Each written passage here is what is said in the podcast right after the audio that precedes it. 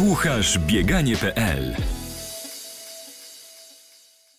Cześć, witamy Was w kolejnym odcinku podcastu bieganie.pl 42 195 FM. Kolejny y, odcinek o zabarwieniu treningowym i merytorycznym, także jeżeli jesteście aktualnie na treningach, no to słuchajcie uważnie albo być może będziecie wracać do tego odcinka po to, żeby wynotować sobie niektóre informacje, bo mamy zamiar dzisiaj takimi Was właśnie uraczyć. Dziś na tapet bierzemy temat siły biegowej jako kluczowej cechy wymienianej obok wytrzymałości czy szybkości w takiej świętej trójcy biegacza. Zaraz szczegółowe informacje oczywiście zweryfikuje mój gość, ale ja postaram się dzisiaj dowiedzieć, jak w ogóle zabrać się za trening siły biegowej, kiedy w kontekście i mikro, i makrocyklu e, taki trening e, i czy do każdego dystansu powinien wyglądać tak samo, bo na pewno nie, co będzie skuteczne, a co może być nawet niebezpieczne dla biegacza amatora, który zajmie się tematem za ambitnie, może za poważnie. O to postaram się zapytać mojego gościa, który no jest skarbnicą wiedzy, jeżeli chodzi o, o trening biegowy.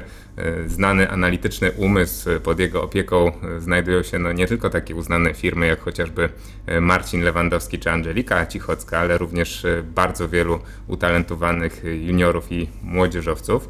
A co najważniejsze w mojej ocenie, trener też potrafi i lubi dyskutować o niuansach treningowych, więc dzisiaj przed nami taka treningowa uczta, bo moim gościem jest Piotr Rostkowski. Dzień dobry trenerze. Dzień dobry, witam serdecznie wszystkich słuchaczy. Jeżeli chcielibyście e, dowiedzieć się czegoś więcej o trenerze, no bo naturalnie trener również e, i historię biegową ma bardzo ciekawą i, i również e, sporo takich informacji odnośnie filozofii i podejścia w ogóle do, do treningu trenera padło już w jednym z naszych podcastów, także jeżeli chcielibyście się sobie wrócić, no to musicie na bieganie.pl do tego odcinka. No to chyba był jeden z, no może nie pierwsza dziesiątka, ale ale w pierwszej dwudziestce, z tego co pamiętam, się znalazł. Teraz już zbliżamy się do setnego odcinka, więc e, trochę czasu minęło. E, co się zmieniło od tamtego czasu? No to na pewno to, że pamiętam, że przedstawialiśmy Cię Piotrze jako e, trenera jeszcze Adama Kszczota, no bo wtedy, wtedy oczywiście również w tym teamie ścisłym współpracowaliście, więc zacznę od takiego pytania, no bo Adam już jest po drugiej stronie rzeki. Czy gdyby dwa lata temu E, ktoś trenera zapytał o to, czy pierwszy skończy karierę Marcin Lewandowski, czy Adam Kszczot, to taka odpowiedź byłaby oczywista, że będzie chodzić o Adama? Bardzo dobre pytanie. Myślę, że byłaby oczywista, dlatego że jednak e, Adam dość mocno zaangażował się w rozwój swojej firmy i swojej działalności. No i wiadomo, to pochłania mnóstwo czasu. Przyszedł okres pandemii, który niestety też wpłynął na zajęcia i zaangażowanie E, sportowców też w różne inne działalności. E, Adam od pewnego czasu, e, że tak powiem, dwutorowo rozwijał się i bardzo dobrze uważam, bo stworzył sobie bardzo dobry grunt pod życie po życiu, tak? czyli po życiu biegowym. Myślę, że jest w tej dobrej sytuacji, mimo okoliczności pandemicznych i kryzysu, że pewne rzeczy już będzie mu łatwiej ruszyć z miejsca i rozwijać się w swojej branży. Czyli ty nie byłeś zaskoczony, podobnie jak my to, i czytelnicy bieganie.pl, bo pamiętam, że jak gruchnęła wiadomość, że, że Adam kończy karierę, no to w, w mediach dosyć szeroko to się odbiło i chyba raczej właśnie w formie takiego wow, zaskoczenia. Znaczy, byłem zaskoczony. Nie, nie, nie mogę powiedzieć, że nie byłem zaskoczony, bo, bo raczej przewidywałem, że Adam skończy karierę sportową po jednak sezonie letnim, a przyszło to w okresie startów, po okresie startów halowych i jego ostatni występ 1.46.29 y, na Kopernikusie był dobrym y, występem i, i, uzyskał dobry wynik z kłopotami, bo tam wpadł na Marcina Lewandowskiego na, na, na ostatnim okrążeniu, którego też zresztą przyblokował, Marcina przyblokował Mark English i myślę, że obu było stać na połamanie bariery 1.46 E, no, myślę, że już Adam nie będzie startował, więc to będzie jego ostatni wynik w karierze. E, Adam postać bardzo ciekawa, też lubiąca dyskusje, rozmowy, bardzo dociekliwa i tutaj też jeśli chodzi o siłę biegową i w ogóle siłę bardzo doświadczona od strony praktycznej. Miał też bardzo długą karierę sportową, która powoduje, że po prostu ma masę doświadczeń i przemyśleń. Tak, na, na, A łatwo się pracuje z takim zawodnikiem, już abstrahując w ogóle od osoby Adama, ale e, z takim zawodnikiem, który właśnie kluczy, e, szuka tych informacji, sugeruje coś trenerowi, czy łatwiej jest jednak mieć takiego właśnie w typie Marcin Lewandowski, no bo on sam zawsze mówi o sobie, że jest żołnierzem i wykonuje rozkazy trenera. Nie wiem, jak to jest e, w praktyce i jak jest ze szczegółami tych, wykonywania tych rozkazów, no ale pytanie, czy trenerowi trochę pomaga taka dyskusja, bo jednak ma więcej narzędzi, więcej informacji płynących od strony zawodnika wtedy, e, ale z drugiej strony musi gdzieś tam przymłotkować, żeby to jego było zawsze na wierzchu. Którą opcję, która opcja jest łatwiejsza? To znaczy, ja myślę, że zależy to po prostu od danego zawodnika. Obie są dobre. Jeżeli spotka się zawodnik i trener o odpowiednich predyspozycjach, y, umiejętnościach, predyspozycjach, mówię o zawodniku, umiejętnościach, mówię o zawodniku, wiedzy, zawodnik, trener, y, ale też takie rzeczy jak zaufanie jest też potrzebne. Oba przypadki, myślę, że w obu przypadkach można osiągnąć bardzo dobre wyniki.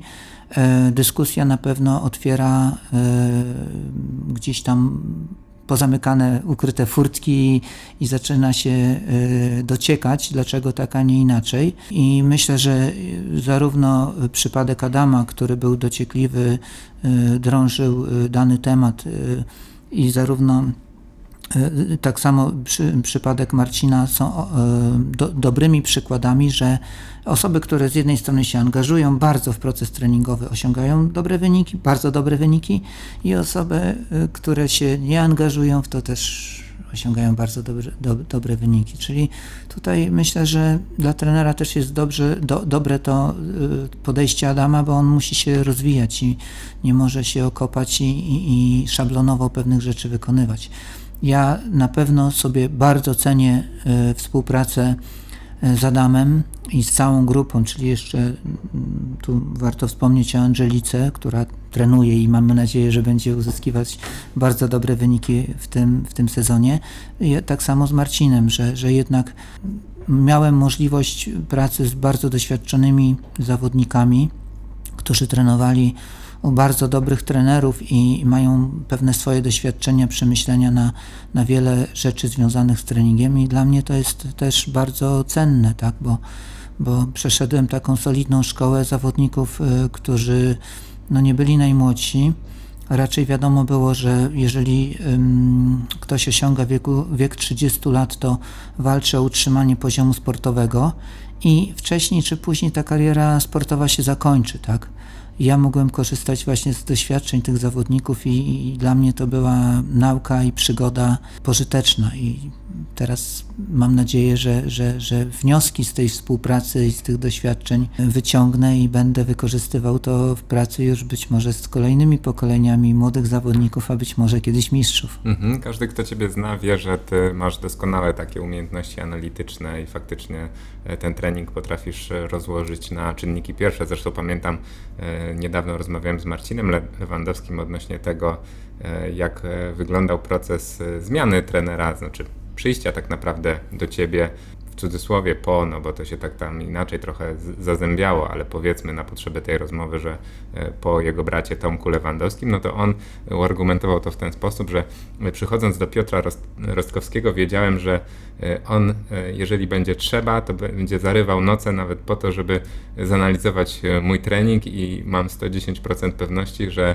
on będzie dokładnie taki, jakiego, jakiego potrzebuję, co, co jest właśnie super świadczy o tych kompetencjach analitycznych, a z kolei z drugiej strony jestem ciekawy, czy ciężej było nauczyć się właśnie tej w cudzysłowie matematyki, algorytmów treningowych, czy, czy ciężej było nauczyć się tych takich kompetencji miękkich, które wynikają z relacji E, trener-zawodnik. To znaczy, jeżeli chodzi o kompetencje, kompetencje w zakresie tutaj relacji trener-zawodnik, no to musimy sobie powiedzieć, że w tej grupie były, były trzy osoby bardzo utytułowane o różnych temperamentach i różnych charakterach, tak? Czyli... No więc właśnie, komu kijek, komu marchewka, to pewnie jest taka umiejętność e, bardzo trudna. To Jak znaczy, ty sobie z tym radziłeś? To znaczy, ja myślę, że to przede wszystkim jest potrzebna umiejętność dostosowywania się, tak?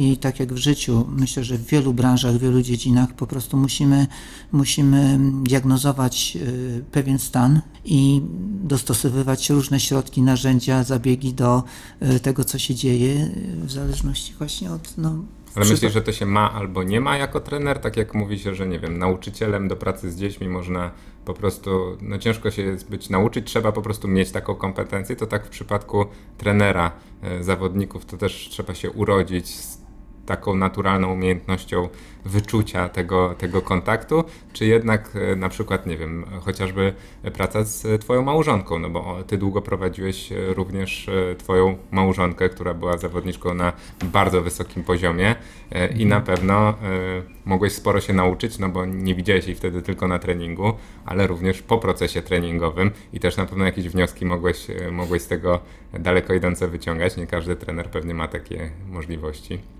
No tak, ale Ania była zawodniczką bardzo zdyscyplinowaną i w ogóle e, życzyłbym każdemu trenerowi, żeby ta, takie zawodniczki lub tacy zawodnicy się trafiali, ale przy tym miała taką według mnie intuicję, tak, wyczucie. I myślę, że jak na warunki, które żeśmy wtedy posiadali, jeżeli chodzi o samą realizację treningu, to osiągnęła dobre wyniki. Nie były to wyniki wybitne, 1,58-72 może można było coś z tego urwać, ale, ale też troszeczkę były inne czasy i okoliczności. Natomiast czy się z tym rodzi ktoś, czy nie, pewnie się rodzi, tak? Natomiast mimo, że już mam parę lat, to, to jestem, jestem chyba jeszcze za młody, żeby odpowiedzieć na to pytanie tak jednoznacznie, nie? bo to muszą być według mnie tutaj przepytywani trenerzy, którzy naprawdę pokolenia biegaczy wychowali, czy sportowców, czy stykali się z bardzo różnymi osobami i wtedy ten ten wniosek mogą wyciągać na podstawie wielu swoich wcześniejszych doświadczeń. Natomiast mm, mówię, tutaj jest ważna umiejętność trenera dostosowywania się do, do danego zawodnika, do jego potrzeb, do jego charakteru, do jego cech, takich nawet predyspozycji, tak, talentu. E, Piotrze, no to przejdźmy w takim razie dosyć płynnie do, e, do tego tematu głównego naszej rozmowy, czyli, czyli do siły biegowej, bo chciałem uzyskać dzisiaj od Ciebie trochę informacji. Ty w ogóle, jeżeli już jesteśmy przy Twojej osobie, wiadomo, że byłeś biegaczem również e, wyczynowym, średniodystansowym. Przez 14 lat bodajże dzierżyłeś rekord polski na dystansie 1500 metrów. I teraz moje pytanie na początek, no bo wiadomo, siła, ja jestem po matwizie, to coś tam pamiętam, że to jest iloczyn masy i przyspieszenia, jeżeli by wziąć taką suchą definicję. E, czym jest w takim razie siła w bieganiu i jak zależy właśnie od tego dystansu? E, bo to chyba jest e, kluczowe, żeby mhm. wyjaśnić ten termin. No właśnie, powinniśmy zacząć od pojęć. Proszę spróbować znaleźć pojęcie siły biegowej w słownikach E, wszelkiego typu dotyczących e, treningu sportowego, teorii sportu. Okaże się, że, że nie ma e, takiego jednoznacznego określenia i definicji siły biegowej. Mo, można ją określić jako pewien zbiór środków treningowych, czyli ćwiczeń fizycznych, które poprawiają dynamikę i technikę biegu.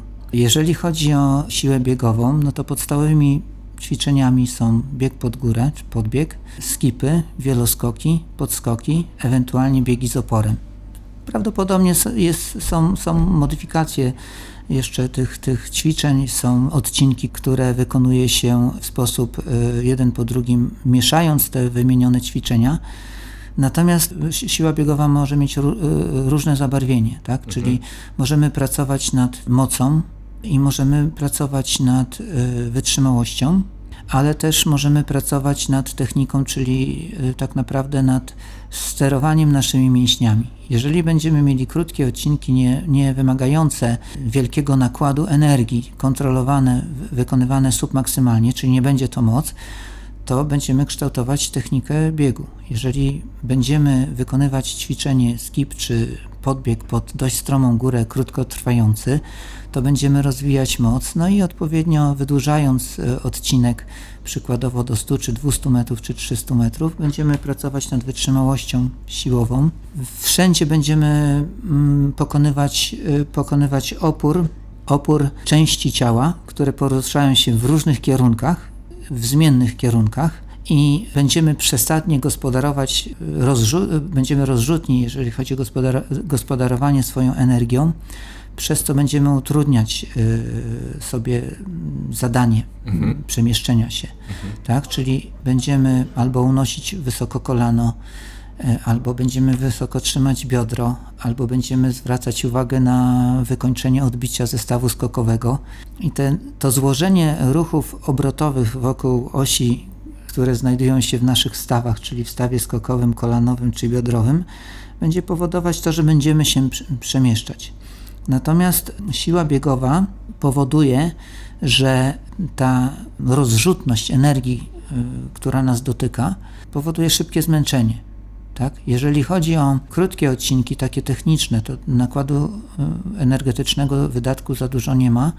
Natomiast jeżeli wydłużymy troszeczkę te ruchy, odcinki i, i, i te ruchy będą nieekonomiczne, to się okaże, okaże że dość szybko będzie y, przychodzić zmęczenie, które będziemy musieli pokonać i tutaj strona fizjologiczna zacznie odgrywać dużą rolę, czyli będziemy się zakwaszać, a też układ nerwowy będzie starał się e, kontrolować e, jakość wykonania naszych, naszych ruchów, żeby ta technika była prawidłowa, ale fizjologia da o sobie znać i układ krążenia i oddychania mocno zostanie, zostanie uruchomiony.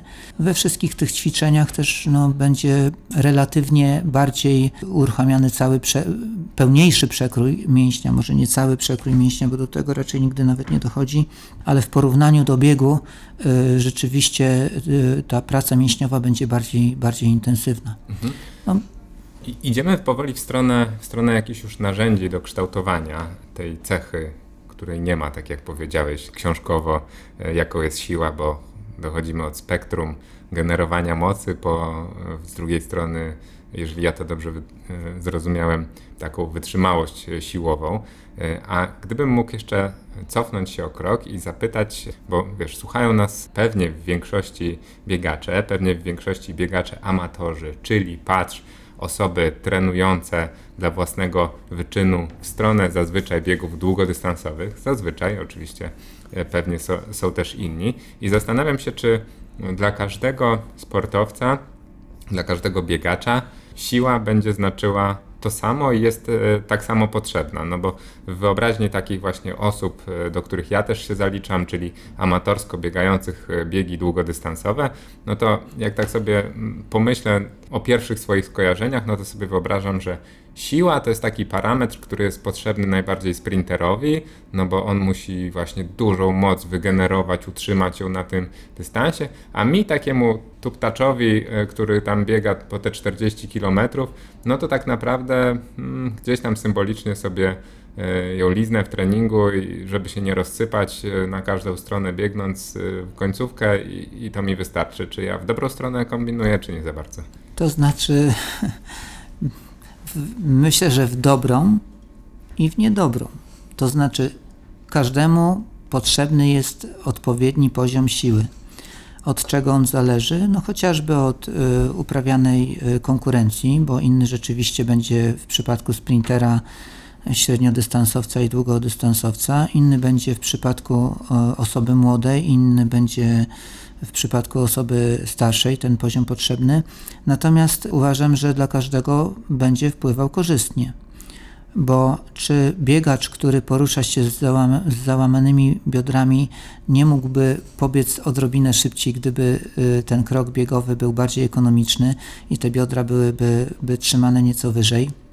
Czy gdyby e, jego odbicie było aktywniejsze lub postawienie stopy na podłożu, no myślę, że jest to co powalczyć, tak? I warto, warto pewne ćwiczenia stosować.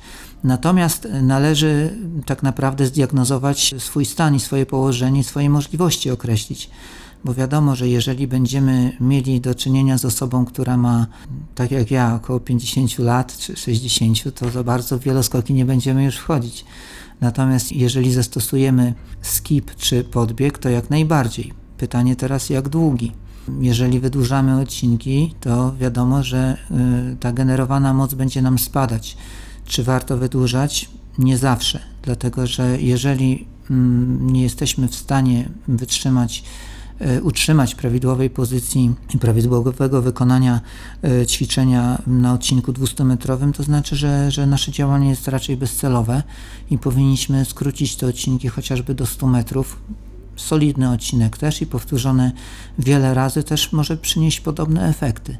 Tak, także tutaj bym skupił się mm, przede wszystkim na tym, jakie mamy możliwości, tak, i mm, na podstawie tych możliwości dobierałbym e, ćwiczenia, czyli w przypadku osób młodszych może to być nawet skip B, o ile wytrzyma nam cały układ ruchu odpowiednio y, przygotowany wcześniejszym treningiem siłowym, takim czysto siłowym powiedzmy na siłowni, czy wytrzymałości siłowej, ale z ciężarami. A jeżeli to będzie osoba y, nieco starsza, która nie ma taki, takiego poziomu naturalnej siły, no to wiadomo, że nie będziemy wprowadzać takiej osobie ćwiczeń skipu B tak? tylko prosty, proste ćwiczenia skip A y, czy podbieg na odpowiednio krótkim y, odcinku, powtórzonym odpowiednio, odpowiednią ilość razy.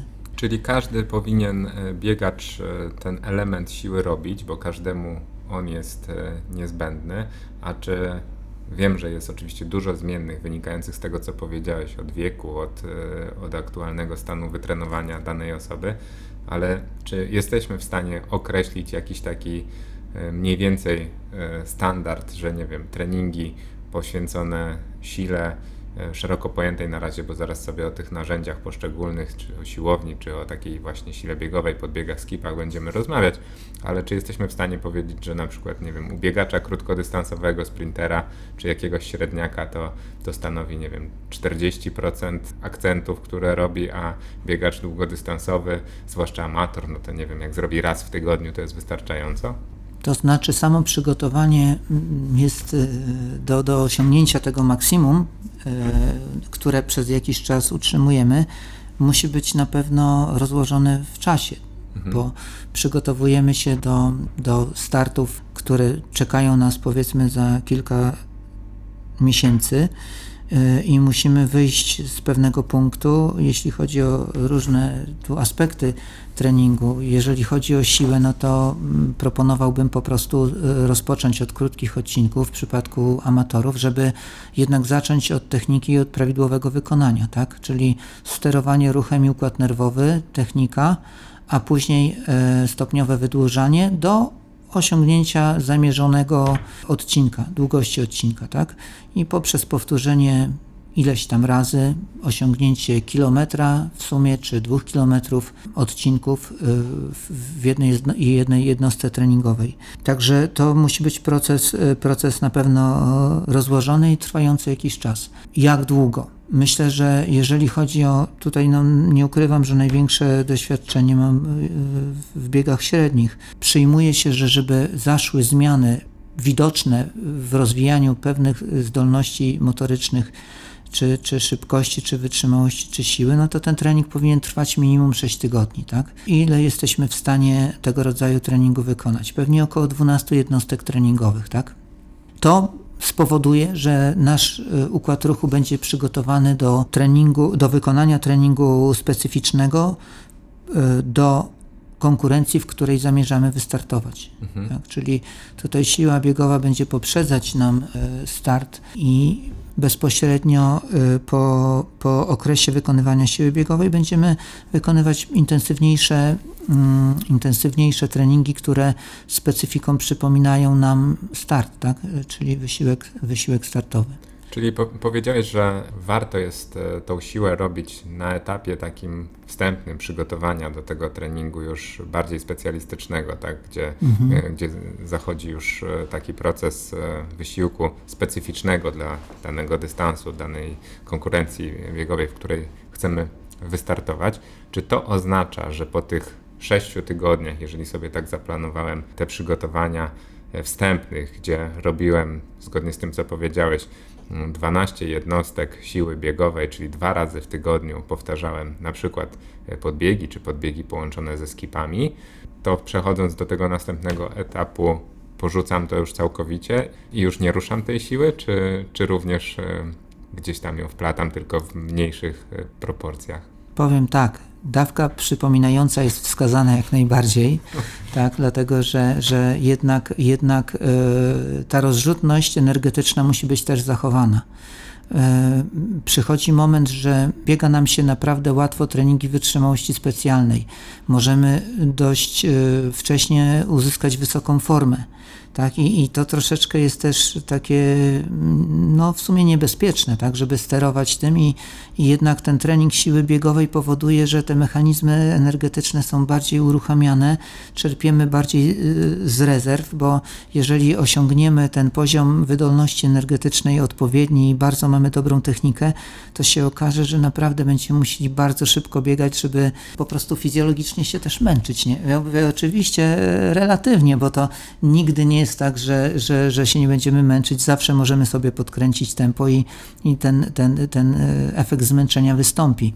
Natomiast e, siła biegowa może też być e, takim środkiem treningowym aktywizującym, aktywizującym mięśnie do pracy specjalnej. Może być wykonywana nawet dzień przed jednostką wytrzymałości specjalnej.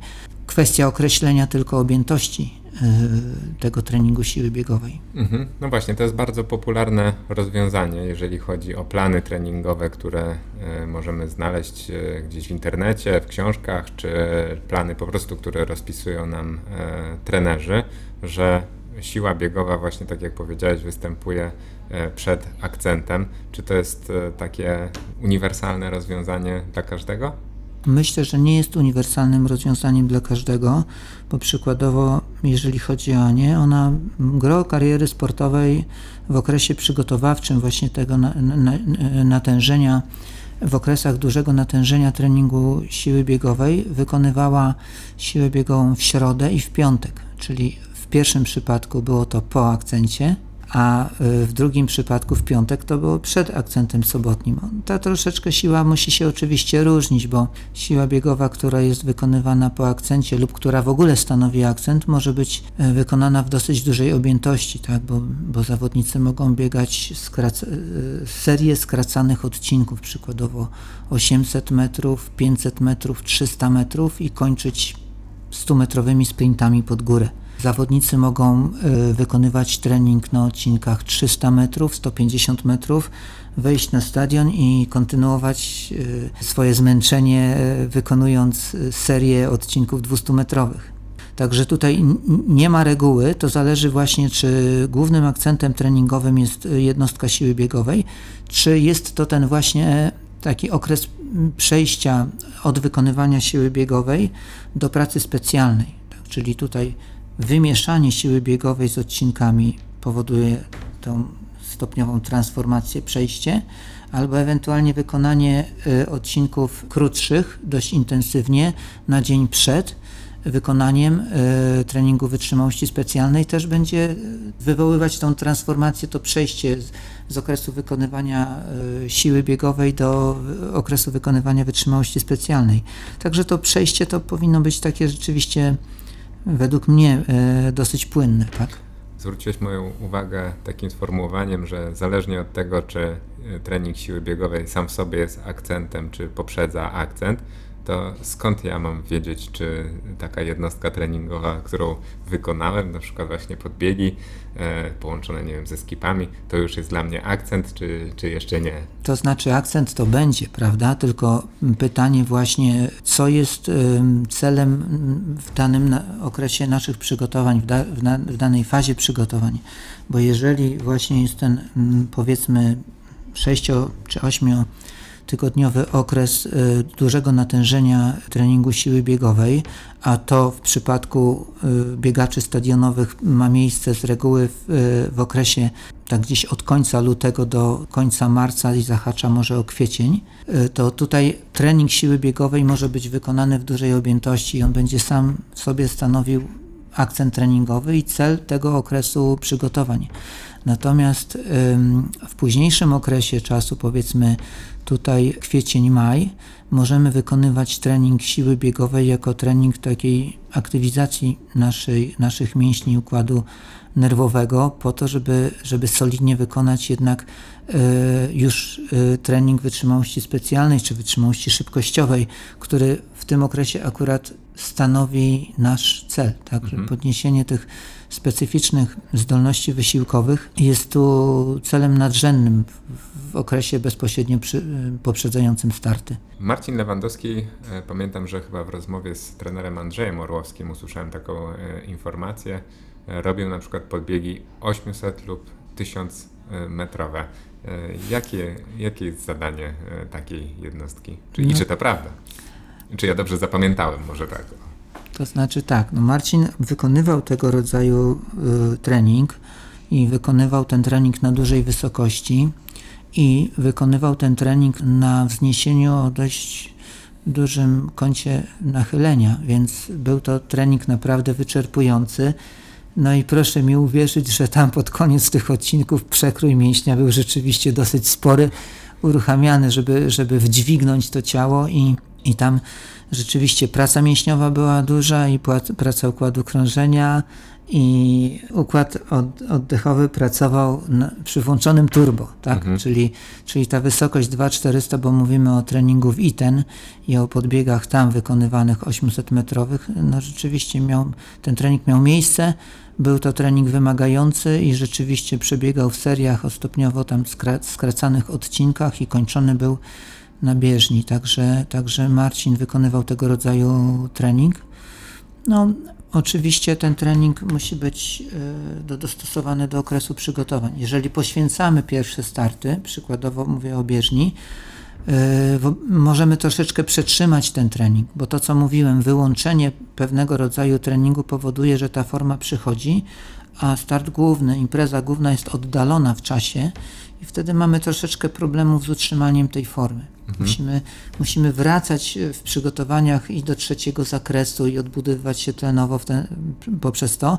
I musimy wracać do treningu siły biegowej, która też no nie możemy, musimy to wyważyć troszeczkę, a też musimy jednak y, taką pewną dawkę przypominającą y, stosować treningu czysto na siłowni. Mhm. Także to, to później jest już ta umiejętność taka, żeby, żeby nie niweczyć tej pracy, którą żeśmy wykonali, żeby pewien poziom siły utrzymać. Tak? Mhm. No właśnie, to porozmawiamy w takim razie e, o tych narzędziach.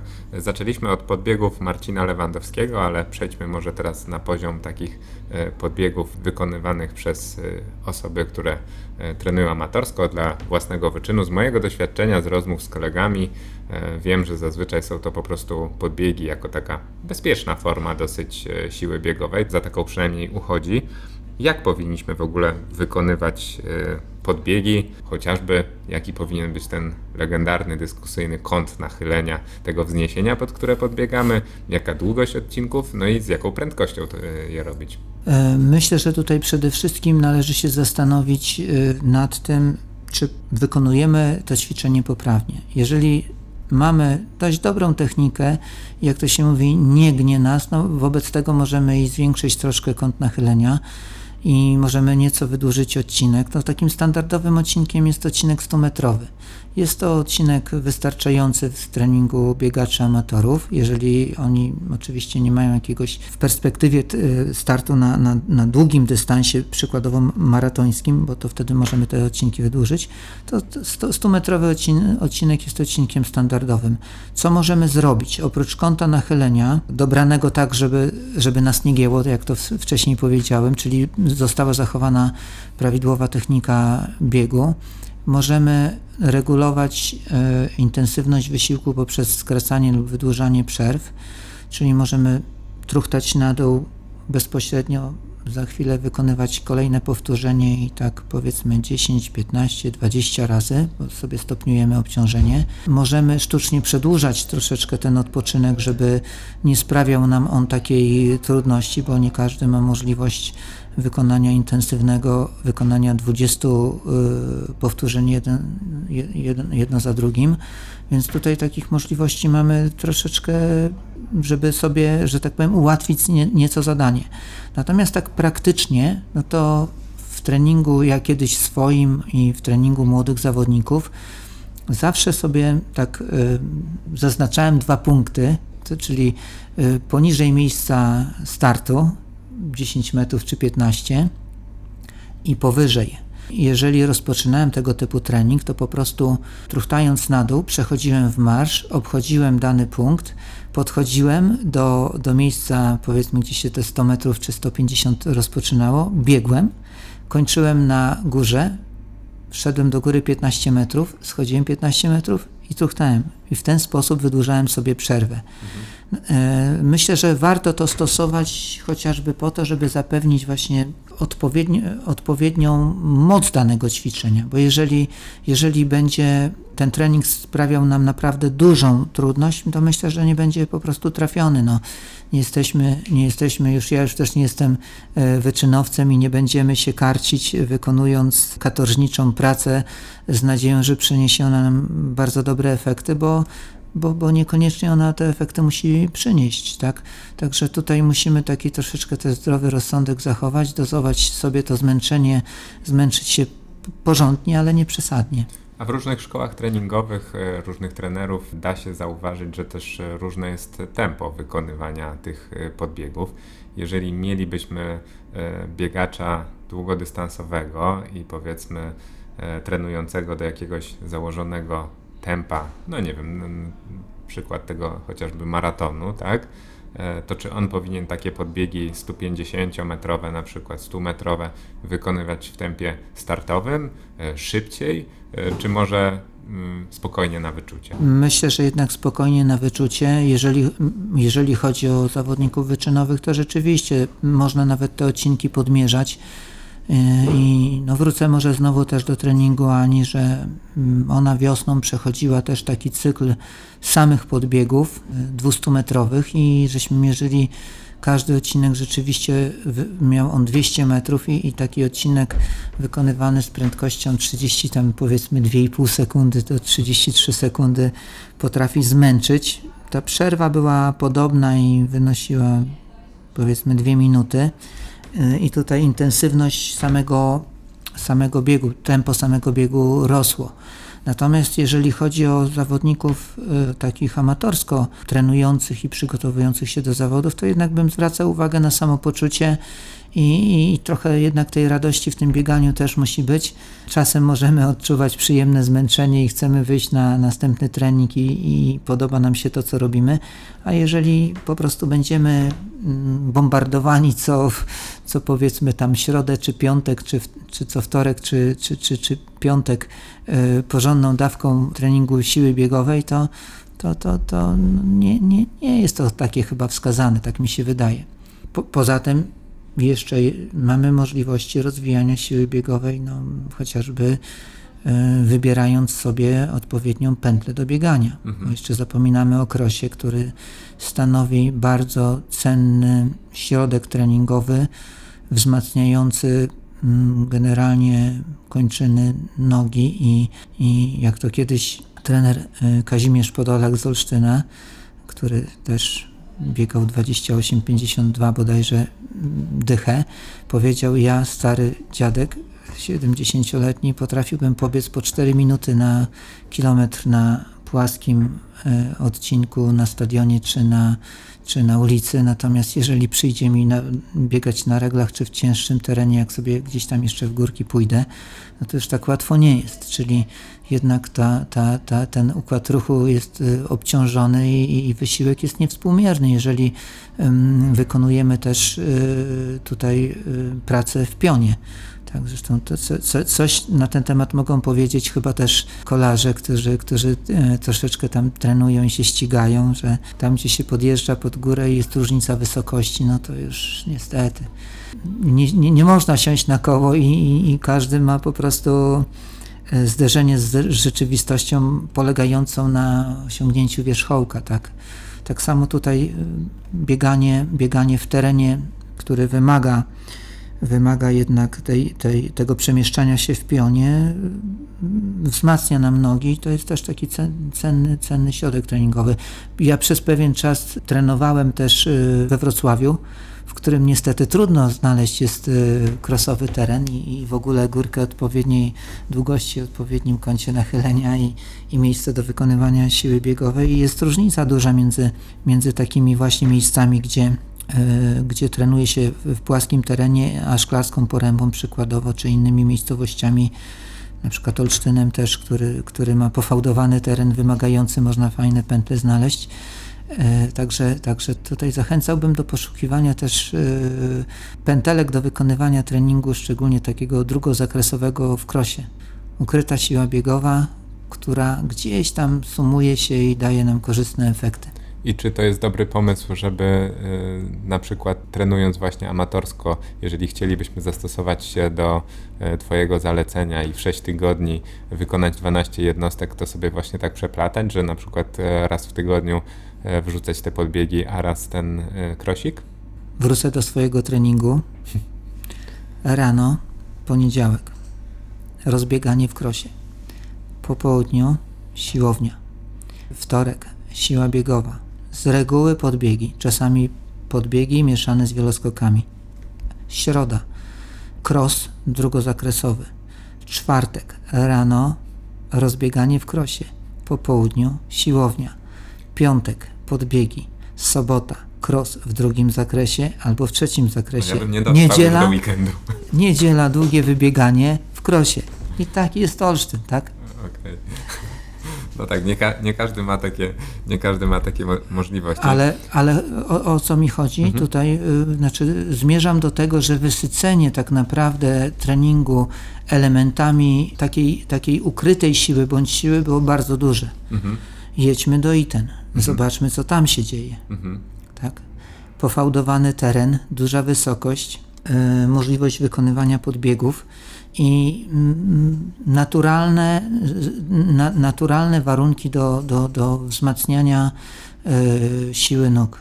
No coś w, tym, coś, w tym, coś w tym jest. Powiedziałeś, że trening siłowy jest takim narzędziem do e, kształtowania poprawnej techniki, że długość tych odcinków, na przykład podbiegów, trochę uzależniałbyś e, od tego, właśnie jak to powiedziałeś, czy nas wygina w biodrze. I ja chciałem się zapytać... Czy nas gnie. Gnie, czyli, przepraszam. Czyli, czyli, czyli nasze barki y, y, składają się razem z kolanami i po właśnie. prostu załamujemy biodra. Dokładnie. I prawie o, chyba już odpowiedziałeś na moje pytanie, bo ja chciałem zapytać, czy jest możliwość takiej, wiesz, e, autodiagnozy po prostu. No mamy teraz e, możliwości, żeby, nie wiem, wziąć telefon, e, wziąć kamerkę jakąś, e, mało postawić sobie, spojrzeć na siebie z boku i na co powinniśmy zwrócić uwagę, żeby odpowiedzieć sobie na pytanie, czy robimy to ćwiczenie w miarę poprawnie, czy nie. Na pewno są metody, tak, dobre w tej chwili, chociażby wspomniany telefon, kamerka, bo rzeczywiście może się to przydać. E, warto jest, żeby poobserwował nasz, nas, e, nasz kolega biegacz lub jeszcze lepiej trener i zobaczył, czy prawidłowo wykonujemy ćwiczenia siły biegowej, szczególnie te złożone. Mówię o na przykład skipie e, B czy nawet skipie A, bo to też nie jest takie proste, się okazuje, żeby trzymać wysoko biodra, unieść kolano, e, stopę skierować e, na siebie, czyli zgiąć ją grzbietowo. I te możliwości techniczne, czy możliwości właśnie, które daje, daje obserwacja przez inne osoby, są jak najbardziej, jak najbardziej wskazane. Ciekawe jest też to, może takie praktyczne moje zalecenie, jeżeli biegamy z kimś, kto przykładowo jest nieco słabszy od nas, to jest dość prawdopodobne, że jeżeli my będziemy zwracać uwagę, żeby ktoś, z kim ćwiczymy, dajmy na to, biegamy, wykonujemy podbiegi 20 razy 100 metrów.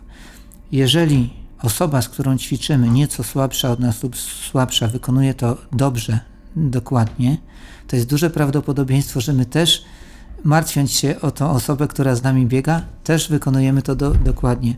Tu mi się przypomina trening z Olsztyna, kiedy jeszcze byłem na studiach e, z Wiesiem Sosnowskim, którego pozdrawiam, być może słucha, że ja się martwiłem o to, żeby on po prostu wykonał ten trening cały, żeby się dobrze czuł, a ja po prostu z nim razem wykonywałem serię podbiegów. I my dość często trenowaliśmy razem.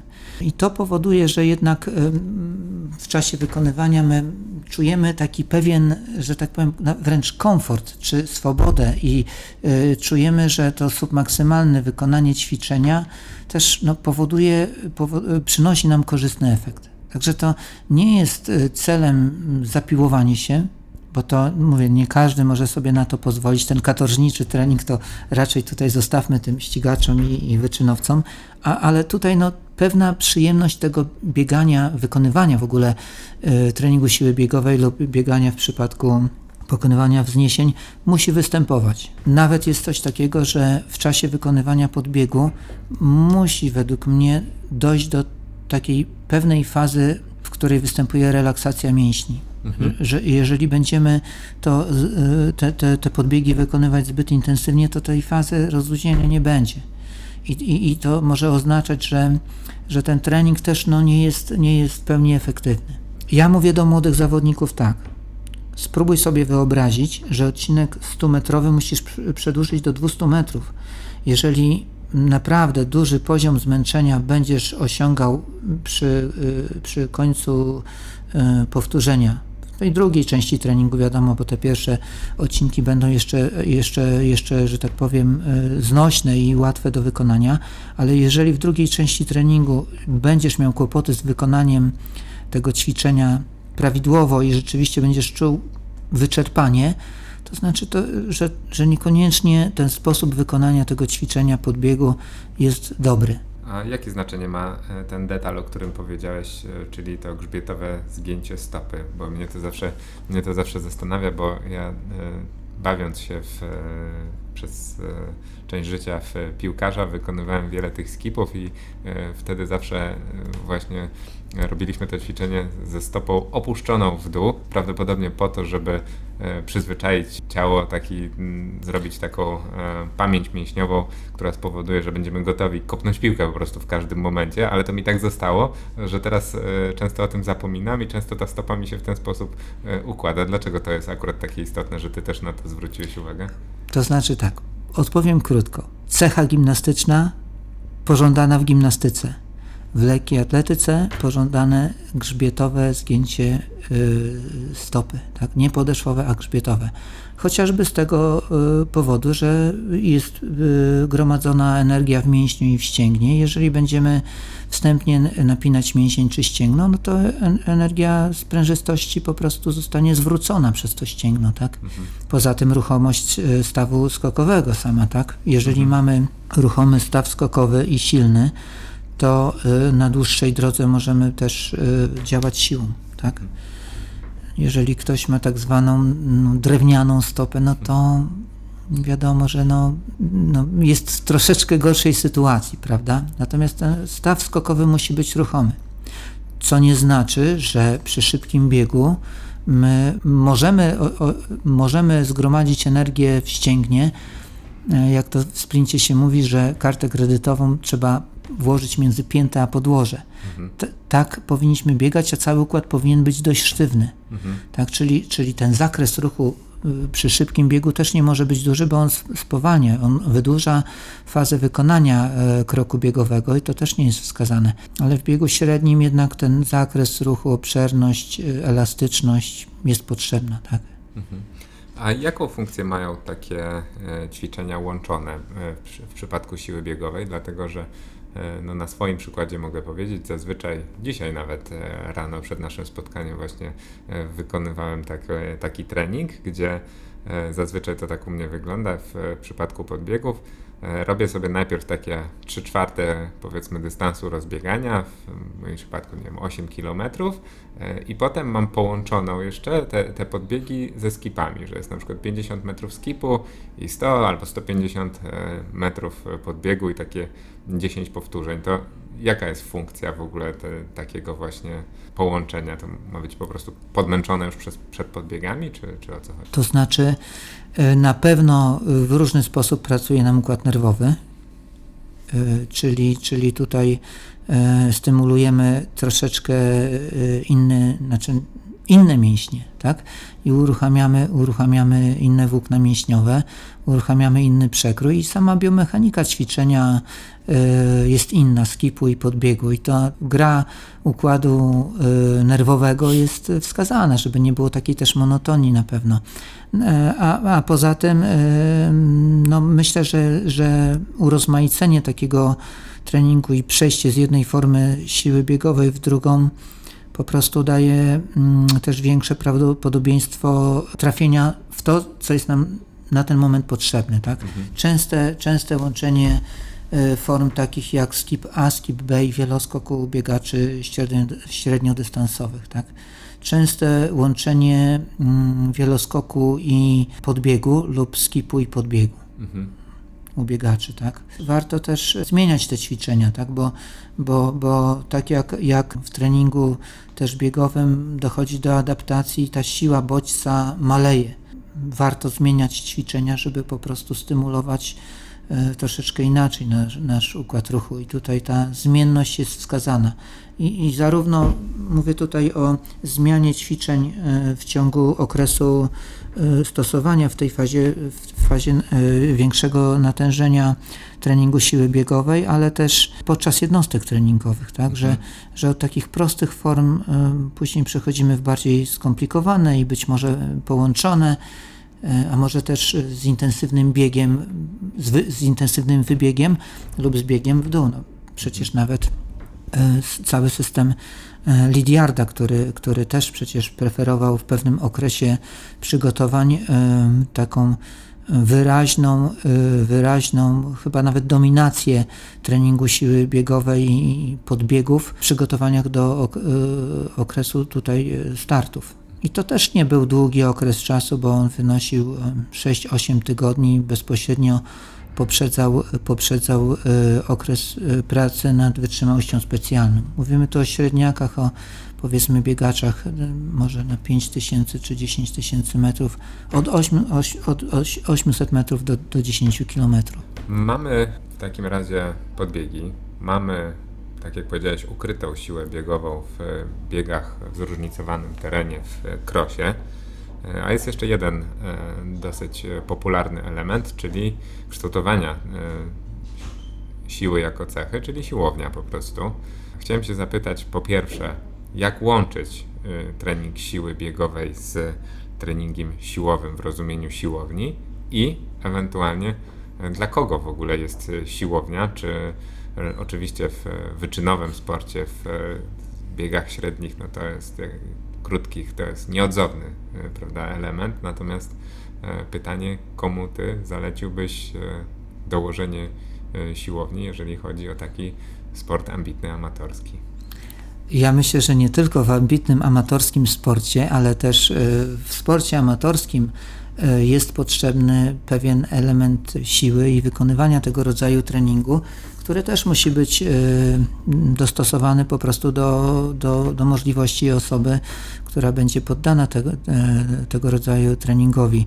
Tak, I jeżeli chodzi o siłę wykonywaną na, na, tak, w czystszej postaci, czyli na siłowni, zalecałbym ją każdemu, tylko że po prostu charakter tej siły by się zmieniał. E, gdzieś wypowiadałem się na ten temat też, że ja rozpocząłbym od takiej siły i ćwiczeń rehabilitacyjnych, czyli po okresie przejściowym po okresie roztrenowania. Wchodziłbym na siłownię tylko po to, żeby pod niewielkim obciążeniem obciążać mięśnie i wykonywać ruch w stawach. Po okresie powiedzmy 4 czy 6 tygodni popracowałbym nad e, wytrzymałością siłową. Stopniowo wchodziłbym w taką czystszą siłę, chociaż chociaż akurat ja tego treningu nie stosuję, jeśli chodzi o siłę maksymalną, to tego rodzaju treningu nie stosuję, poza, poza być może takimi prostymi ćwiczeniami jak wyciskanie, bo, bo nigdy nie, nie stosowałem w treningu zawodników siły maksymalnej, przykładowo stosując przysiad. Mhm. Tak? Czyli, czyli to, to, to nie jest też taka czysta siła, tylko siła o, o dość znacznym obciążeniu, natomiast nie siła maksymalna. Natomiast później e, zredukowałbym e, zdecydowanie masę ciężaru, żeby móc zapewnić odpowiednie szybkie, odpowiednio szybkie wykonanie ćwiczenia, czyli wchodziłbym w moc. Zostawiałbym pewien element treningu wytrzymałości siłowej po to, żeby jednak stymulować organizm do, do wykonywania naszego specyficznego rodzaju pracy, która będzie miała zabarwienie jednak wytrzymałościowe. Mhm. Czyli tutaj powiedzmy ćwiczenia rehabilitacyjne, siła wytrzymałościowa, siła, moc w międzyczasie wejście w trening siły, siły biegowej, tak? później prze, przeplatanie i zazębienie się treningu okresu tego wykonywania, si, si, okresu wykonywania siły biegowej y, z pracą specjalną, czy do biegu średniego, czy do biegu długiego, no i starty. Mhm. Tak? A czy e, trening siły biegowej można stosować jako takie pobudzenie kilka dni przed e, startem, na przykład jeżeli przygotowujemy się, nie wiem, do ulicznej piątki albo dychy? Myślę, że jak najbardziej i to nawet stosują nasi młodzi zawodnicy, bo zobaczmy, czy jest trudne wykonanie 8 czy 10 podbiegów po bardzo równym asfaltowym podłożu na wzniesieniu o średnim kącie nachylenia e, nie jest trudne. I wtedy mamy parę rzeczy, że tak powiem, w, jedny, w jednym, bo kształtujemy technikę biegu, e, kształtujemy rytm, rytm biegowy, e, kształtujemy wytrzymałość szybkościową i siłę biegową, czyli jest to taki trening, można powiedzieć, integralny, który pewne elementy przygotowania siłowego, wytrzymałościowego, szybkościowego czy technicznego zawiera jeden rodzaj treningu. Jeden rodzaj środka treningowego, czyli podbiegi. Mhm. Jak najbardziej możemy to stosować nawet w okresie startowym.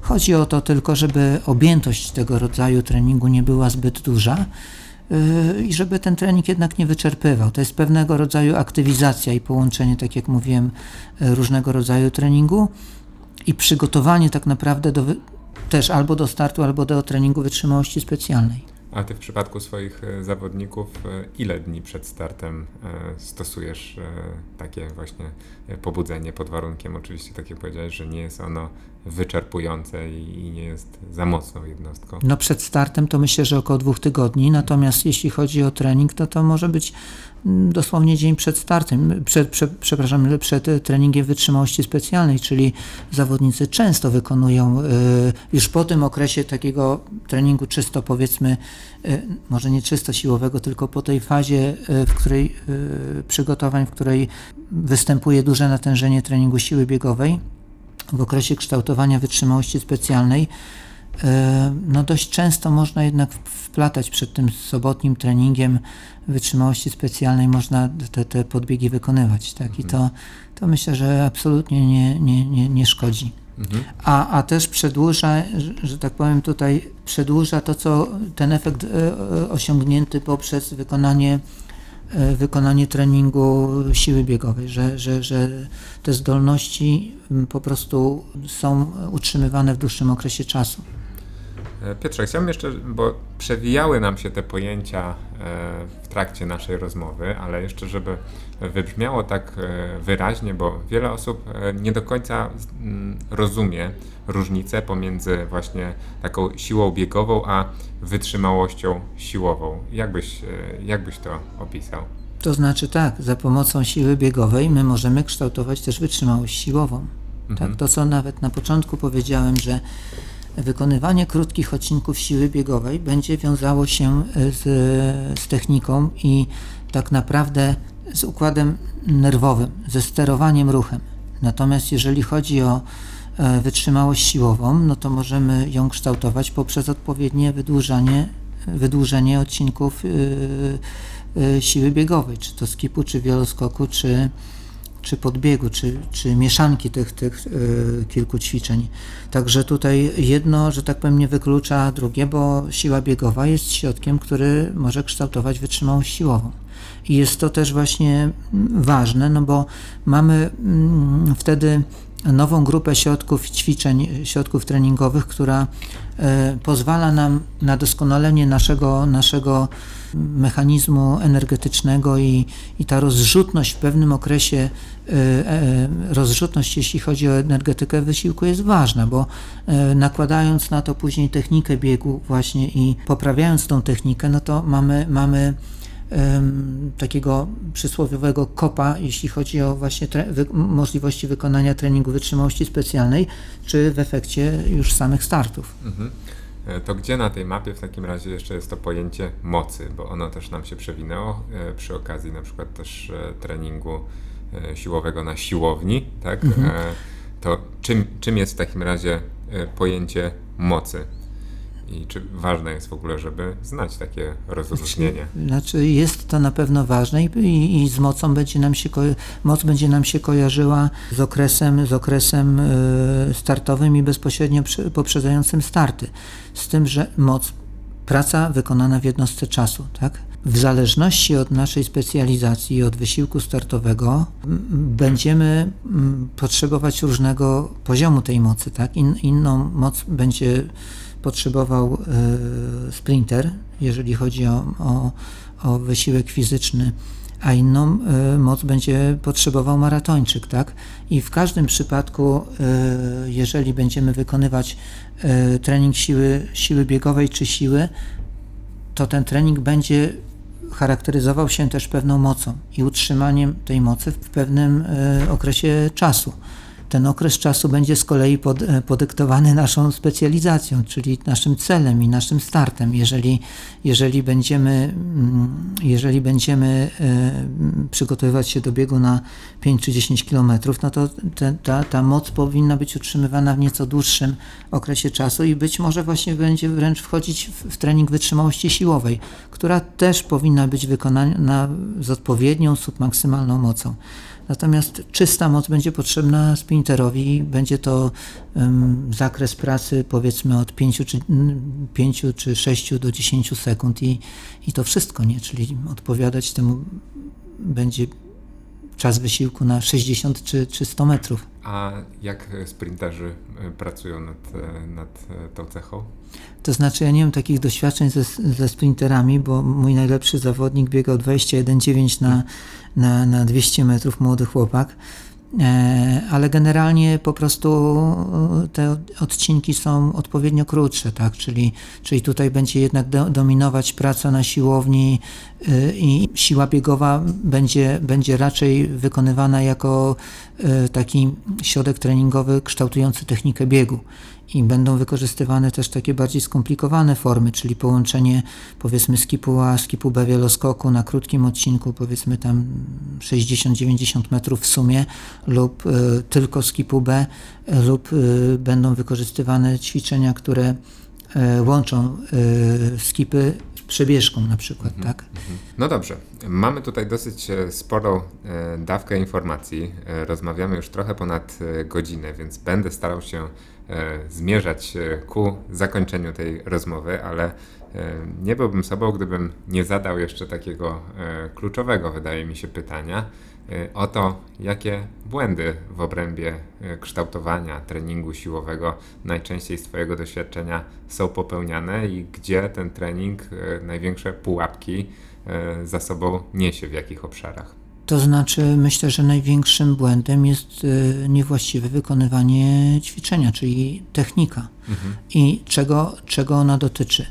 Cechy, y, wykonywania cechy, czyli palce zgięte mm, podeszwowo, czyli, czyli obciągnięte palce, tak? Y, załamane biodra, podczas skipu A brak ruchu stawu łokciowego do przodu i do tyłu, czyli, czyli takie wiszące troszeczkę y, ramiona, mhm. bez, y, bez włączenia właśnie pracy, pracy rąk. Przy skipie B nadmierne odchylenie się do tyłu, za niskie przy skipie B, za nis, zbyt niskie prowadzenie kolana. Przy wieloskoku niewykańczanie tylnego odbicia. Przy wieloskoku zbyt niskie uniesienie kolana. Przy wieloskoku mało aktywne postawienie stopy, e, brak tego ruchu grzebnięcia. No to takie nawet są e, błędy, które, z którymi ja się nawet wczoraj spotkałem w treningu młodych zawodników i to po prostu warto, żeby osoby, które ćwiczą, jeżeli jest grupa, były, były rozmieszczone odpowiednio rzadko, to znaczy, żeby, żeby trener miał czas na to, żeby skomentować y, jakość wykonania ćwiczenia i przekazać uwagi ćwiczącemu. To samo zresztą dotyczy, to dotyczy mm, treningu na płotkach, także jeżeli mamy mm, dużą grupę y, ćwiczących, które, która prawie jednocześnie wykonuje ćwiczenie, to, to, to nie, nie pomożemy tym osobom za bardzo i, i tutaj warto jednak żeby dać czas na wykonanie tego rodzaju treningu każdej z osób i żeby można było każdej osobie przekazać kilka uwag. Natomiast no, summa summarum nieco wydłużony czas, który musi być poświęcony na wykonanie tego treningu jednak e, zaprocentuje i w końcowym rozrachunku okaże się, że, że warto, warto na te elementy techniczne zwracać uwagę.